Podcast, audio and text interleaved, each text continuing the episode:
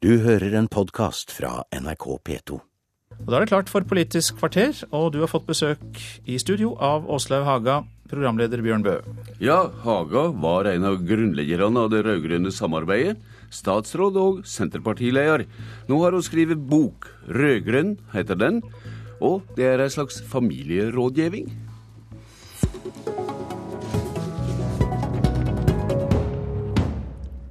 Velkommen i studio, Åslaug Haga. Tusen takk. De rød-grønne må fornye seg om de skal vinne valget, skriver du. Og du mener Arbeiderpartiet må gi SV og Senterpartiet blanke sigere om det skal lykkes. Hvordan kan du mene at et lite raust Arbeiderparti er grunnen til at det butter imot for de rød-grønne? Det er ikke den eneste grunnen, men det er veldig stor forskjell på å være et stort og et lite parti i regjering. De små partiene de har smale velgergrunnlag. Eh, og derfor er det viktig å vise for disse velgerne at du faktisk leverer. Eh, Arbeiderpartiet, det store partiet, har interesser på absolutt eh, alle samfunnsområder. Men SV, som et lite parti med begrensa velgerflate, er avhengig av å levere på sine kjernesaker, type miljø, type skole. Senterpartiet er avhengig av å levere på distriktspolitikk og landbruk, for det er der de henter velgerne. Mm. Så er jo Arbeiderpartiet i sin fulle rett til å bruke kjøttvekta. Eh, og, og, få mest gjennomslag eh, for sin politikk. Men det er ikke sikkert at det er lurt, hvis du er opptatt av at prosjektet skal leve over tid. Du skryter av Jens Stoltenberg som lagleder i boka, men det du sier nå kan knapt leses som annet enn kritikk også av han? Ja, jeg mener at Jens har greid å holde dette prosjektet sammen i, i sju år, som kjent. Og det er i seg sjøl en bragd. Eh, og så er Jens Stoltenberg en fantastisk kommunikator. Og det er en stor styrke for uh, dette prosjektet. Men uh, Det er ingen motsetning mellom uh, å, å, kunne, eller å si det og det å si at jeg tror det ville være strategisk lurt å gi de to andre partiene mer rom. Dersom det er grunn til å sutre da, hvorfor bør ikke Senterpartiet like godt gå ut av regjering dersom de ikke får disse blanke sigrene og søker hjelp til sakene sine fritt i Stortinget? Nei, det, du skjønner, Dette er ikke sutring. Dette handler om politikk. Mm. Eh, og, og, jeg tror jo heldigvis det er sånn eh, at i Norge så vinner man fortsatt valg på politikk. Eh, jeg tror det ville være lurt da, av de tre partiene nå å sette seg når jeg er rundt bordet og samtale om hva de skal gjøre oppnå med makta de neste fire til åtte åra. Og, og, og, de må også samtale om hvordan de skal forklare det til velgerne. For du vet, dette er så ulikt fra når vi etablerte regjeringa i 2005. Eh, da var den rød-grønne regjeringa det var noe nytt og fresht. Eh, vi skulle ta over etter ei høyredominert regjering som utfordra på velferd. Og vi sa jo i bunn og grunn bare én ting vet du, i den valgkampen. Eh, og det var velferd framfor skattelette. Mm. Og det ga en retning på politikken. Nå har de styrt i sju år. Eh, da må de synliggjøre hva de vil framover. Ja, du forteller i boka at du mener at uh, samhandlingene med den mektige lederen i Fagforbundet, Jan Davidsen, var et viktig grunnlag for denne regjeringsskipinga. Har dette rakna? Nei, men bare la meg forklare det som står eh, om Jan Davidsen der. For her må en huske på at um, min erfaring var å ha sittet i Bondevik I-regjeringa. Uh, vi gikk av i år 2000 på gasskraftsaken. Vi ønska ikke sterkt forurensende gasskraftverk i Norge. Uh, det var Arbeiderpartiet som felte oss. Så min tillit til Arbeiderpartiet på miljøområdet uh, var begrensa. I tillegg er det jo et faktum at partiet ikke hadde stor tillit til Arbeiderpartiet på europapolitikken. Mm. Eh, og eh, vi var jo urolig for denne det vi kalte Lille alliansen i sin tid, at Høyre og Arbeiderpartiet fant hverandre i EU-sakene. Jan eh, Davidsen var med i forhold til meg Eh, og bygge tillit. Eh, og, og, forklarte meg at eh, det ville være mulig å håndtere disse utfordringene. Mm. De familierådgivning den setter nærmest opp imperativ om et, et, slags ny felles erklæring før valget om nye djerve mål. Bostadpolitikken er et av dem. Og her er det skapt auka skilnader. Det var det du og Davidsen ville motarbeide. Ja, det er nye klasseskilnader under det rød-grønne, skriver du, og dette har du vært med på? ja, jeg var jo, var jo ikke med så lenge, da. Men jeg tar ansvar for det jeg var med på, så til de grader. Og, men jeg, jeg tenker at regjeringa skal være stolt av det den har fått til.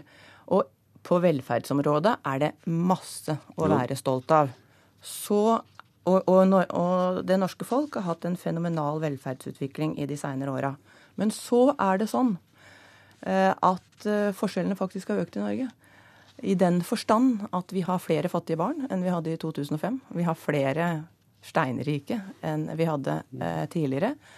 Og dette er en utfordring for regjeringa. Og jeg tenker eh, det, det, det, må være helt greit å si at ja, vi har fått til mye, men vi har søren meg også en god del igjen eh, å gjøre. Det er ikke mission accomplished. Vi har, vi har mer eh, å gjøre. Fått til mye, mer å gjøre, og så må vi tydeliggjøre mer hva vi skal gjøre fremover. Et tydeligere erklæring framfor valget neste år, altså. Du skriver også til dømes at det er ei gåte at vindmøller, og særlig vindmøller til havs, ikke har blitt ei vinnersak for regjeringa. Mm.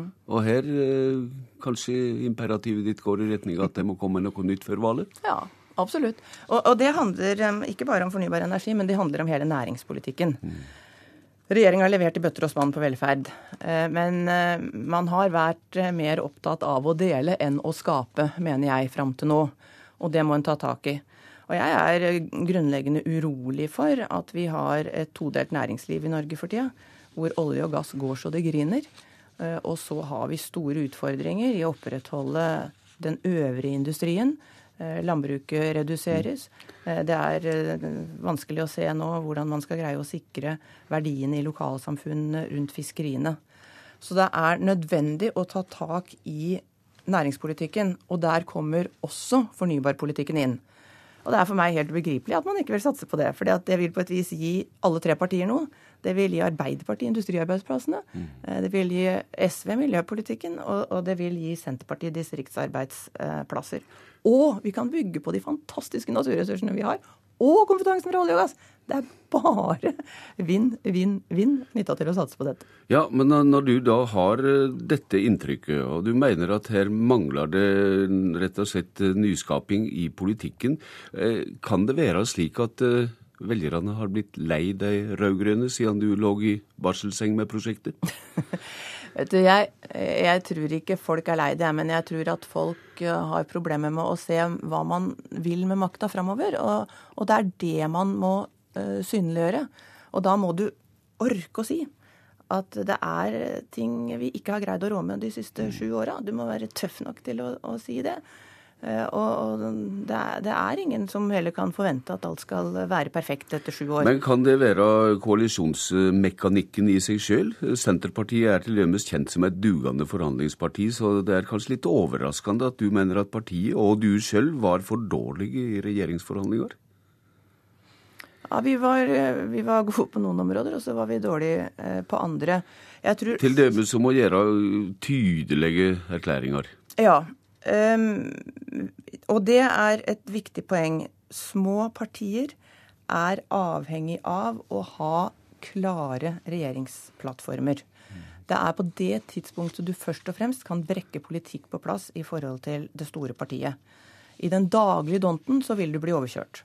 Men eh, Soria Moria 1 er sett fra Senterpartiets side et godt eksempel på at man gjorde godt håndverk og dårlig håndverk. Mm. I den erklæringa sto det at kommunene skulle ha 5,4 milliarder eh, året etter. Eh, ja, så konkret bør det være.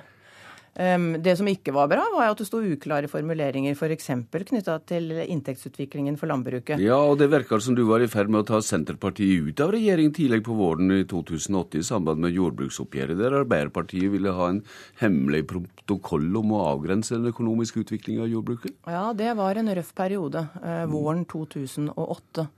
Da satt vi og forhandla parallelt om småkraftbeskatning om kommuneopplegget og om jordbruksoppgjøret. Ja, Men sier ikke dette noe om koalisjonsmekanikken i seg sjøl? Nei, altså det, det, sier jo noe om at man ikke alltid er enige om alt i regjering, og at, man, at, det er noen partier som alltid vil gå lenger på noen områder enn andre. Men det skulle bare mangle. Eh, men da det, våren 2008 så opplevde jeg at eh, mitt parti var avhengig av å få gjennomslag på alle de tre områdene for at vi skulle kunne leve godt i eh, regjering. Og det var en eh, stri tørn. Og, og, så fikk vi til slutt anstendig uttelling eh, på alle tre områdene. Eh, men det, det var harde tak. Og det, det må du være forberedt på innad i en koalisjon, at det er harde tak innimellom. Men, men det jeg tror eh, er den lærdommen man bør ta med seg, det er at en må sikre seg nok tid til å heve blikket og snakke om hva du skal få til som kollektiv. Og der skorta det i min tid i regjering. Vi forhandla på enkeltsaker, men vi var ikke gode nok til, gode nok til å samtale mm. om hva vi skulle oppnå, og hvordan vi skulle gi hverandre tilstrekkelig rom. Her syns jeg også jeg hører et imperativ. Hva tenker du om styret som er rundt Senterpartiledelsen nå? Det tenker jeg innmari lite om. Har du noen gang hatt lyst til å være med i det politiske toppsirkuset? Nei, det har jeg ikke. Uh, og, og det, det, handler eh, ikke om at jeg ikke hadde det artig i mange år i politikken. Jeg syns det var fantastisk å få være med og, og danne den rød-grønne regjeringa. Mm. Det var fint å være partileder. Eh, men jeg er nok som type en person som ikke liker å leve med så høyt konfliktnivå rundt meg som det du må akseptere når du er i, eh, i, i politikken. Hva så, mener du forresten om konflikten om sirkuselefanter? er det også en konflikt? Ja. Du, det er jo så vidunderlig eh, å kunne jobbe med å redde liv i stedet for å være opptatt av sirkuselefanter. Ja, du har vært diplomat, toppolitiker og arbeider i norsk industri og styrer nå med luftambulanse, som du snerta innom akkurat nå. Men så skal du sannelig ut av landet til ny jobb. Hva er dette? Ja, du, Jeg har litt vondt i magen for dette, fordi jeg har det så fantastisk bra i norsk luftambulanse. Og det er et utrolig meningsfylt eh, arbeid.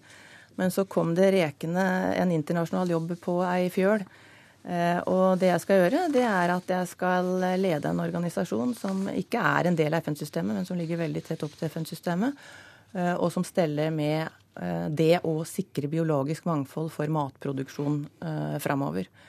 En spennende jobb for meg, en viktig jobb. Og jeg har sagt ja til den, så etter jul så flytter jeg til Bonn og skal ha kontor i Bonn og i Roma. Ja, men takk til deg i denne omgang, Åslaug Haga. Så får du ha god tur der ute i verden. Og du har også i boka skrevet at du egentlig mener at sentrumspartiene bør finne sammen at politisk, og vi skal høre litt mer om sentrumsdrev i Politisk kvarter. Kristelig Folkeparti-leder Knut Arild Hareide har vært i Møre og Romsdal i sitt strev for drømmen om å nå tilbake til gamle høgder, slik partiet hadde fra 1990-tallet og fram mot 2005. Hareide forkynner for velgerne om regjeringsskifte for framtida for framgang for partiet. Da skal jeg få lov til å meddele at jeg har presentert for eh, Hans Majestet Kongen ei liste over eh, medlemmer av den nye regjering. Året er 1997. Vi er på Slottsplassen, og en stolt Kjell Magne Bondevik presenterer sin første regjering. Det er et gyllent øyeblikk i Kristelig Folkepartis historie.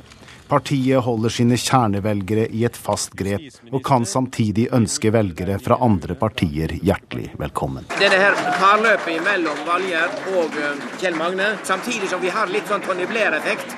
Verdispørsmål er mer inn, og jeg tror vi har truffet der og denne gangen. Jeg tror vi har gode muligheter til å snu den negative trenden som KrF har vært i. 15 år senere er situasjonen en helt annen for Kristelig Folkeparti. Vi møter partileder Knut Arild Hareide på tur i et av KrF sine tidligere kjerneområder, Sunnmøre. Her har gründerånd og gudstro gått hånd i hånd i generasjoner. For 15 år siden flokket velgerne seg om KrF i dette området. I 2001 var KrF det største partiet i Møre og Romsdal. Senere har det bare gått nedover. 23% i 1997 var redusert til 8,4% i 2009. Forsvinner enda flere velgere neste år, risikerer KrF å ramle ut av Stortingets mørebenk. Men partilederen vil snu trenden, og han har velkjente toner å by på. Vi trenger KrF som er drivkraft, som løfter fram verdisakene. Det er de kristne verdiene. Familie, frivillighet, eldreomsorg. Det er viktige saker for KrF som vi står fast på. Men så tror jeg òg at nettopp i området som Møre og Romsdal, så er det viktig å vise en bredde på vårt engasjement. Vi vet det med næringsliv er viktig i denne regionen. Den haugianske ånda. Eh, det å drive fram både arbeidsplasser og det å skape et godt samfunn og vise den helheten er viktig for KrF. Men slike ord har liten effekt så lenge Kristelig Folkeparti er en liten mus i opposisjon uten innflytelse i norsk politikk, der nesten alt blir bestemt av en rød-grønn flertallsregjering. De siste sju årene har vært sju magre år for KrF, og det er litt selvforskyldt. To ganger nei til Fremskrittspartiet har gjort det vanskelig å danne en borgerlig regjering. Denne gangen ble det ja. Et regjeringsskifte og et borgerlig flertall på Stortinget vil kunne gi KrF den innflytelsen partiet har lengtet etter. Jeg tror det er viktig for KrF, fordi at valget i 2013 blir et regjeringsvalg. Etter åtte år med rød-grønt styre, så mener jeg, og jeg tror veldig mange med meg, at det er tid for et skifte. Og en vet at stemmen på KrF, så får en et skifte og en får samtidig med en styrking av de kristne verdiene. Dere har vært sju år i opposisjon som et lite opposisjonsparti. Og det er på en måte sju år i skyggenes dal. Fire år til i en sånn posisjon, vil det være ødeleggende for KrF? Ja, Det vil være det verste valget for KrF, om ikke vi nå får innflytelse. Og reporter på Nordvestlandet var Trond Vestre. Politisk kvarter er slutt. Jeg heter Bjørn Bø. Du har hørt en podkast fra NRK P2.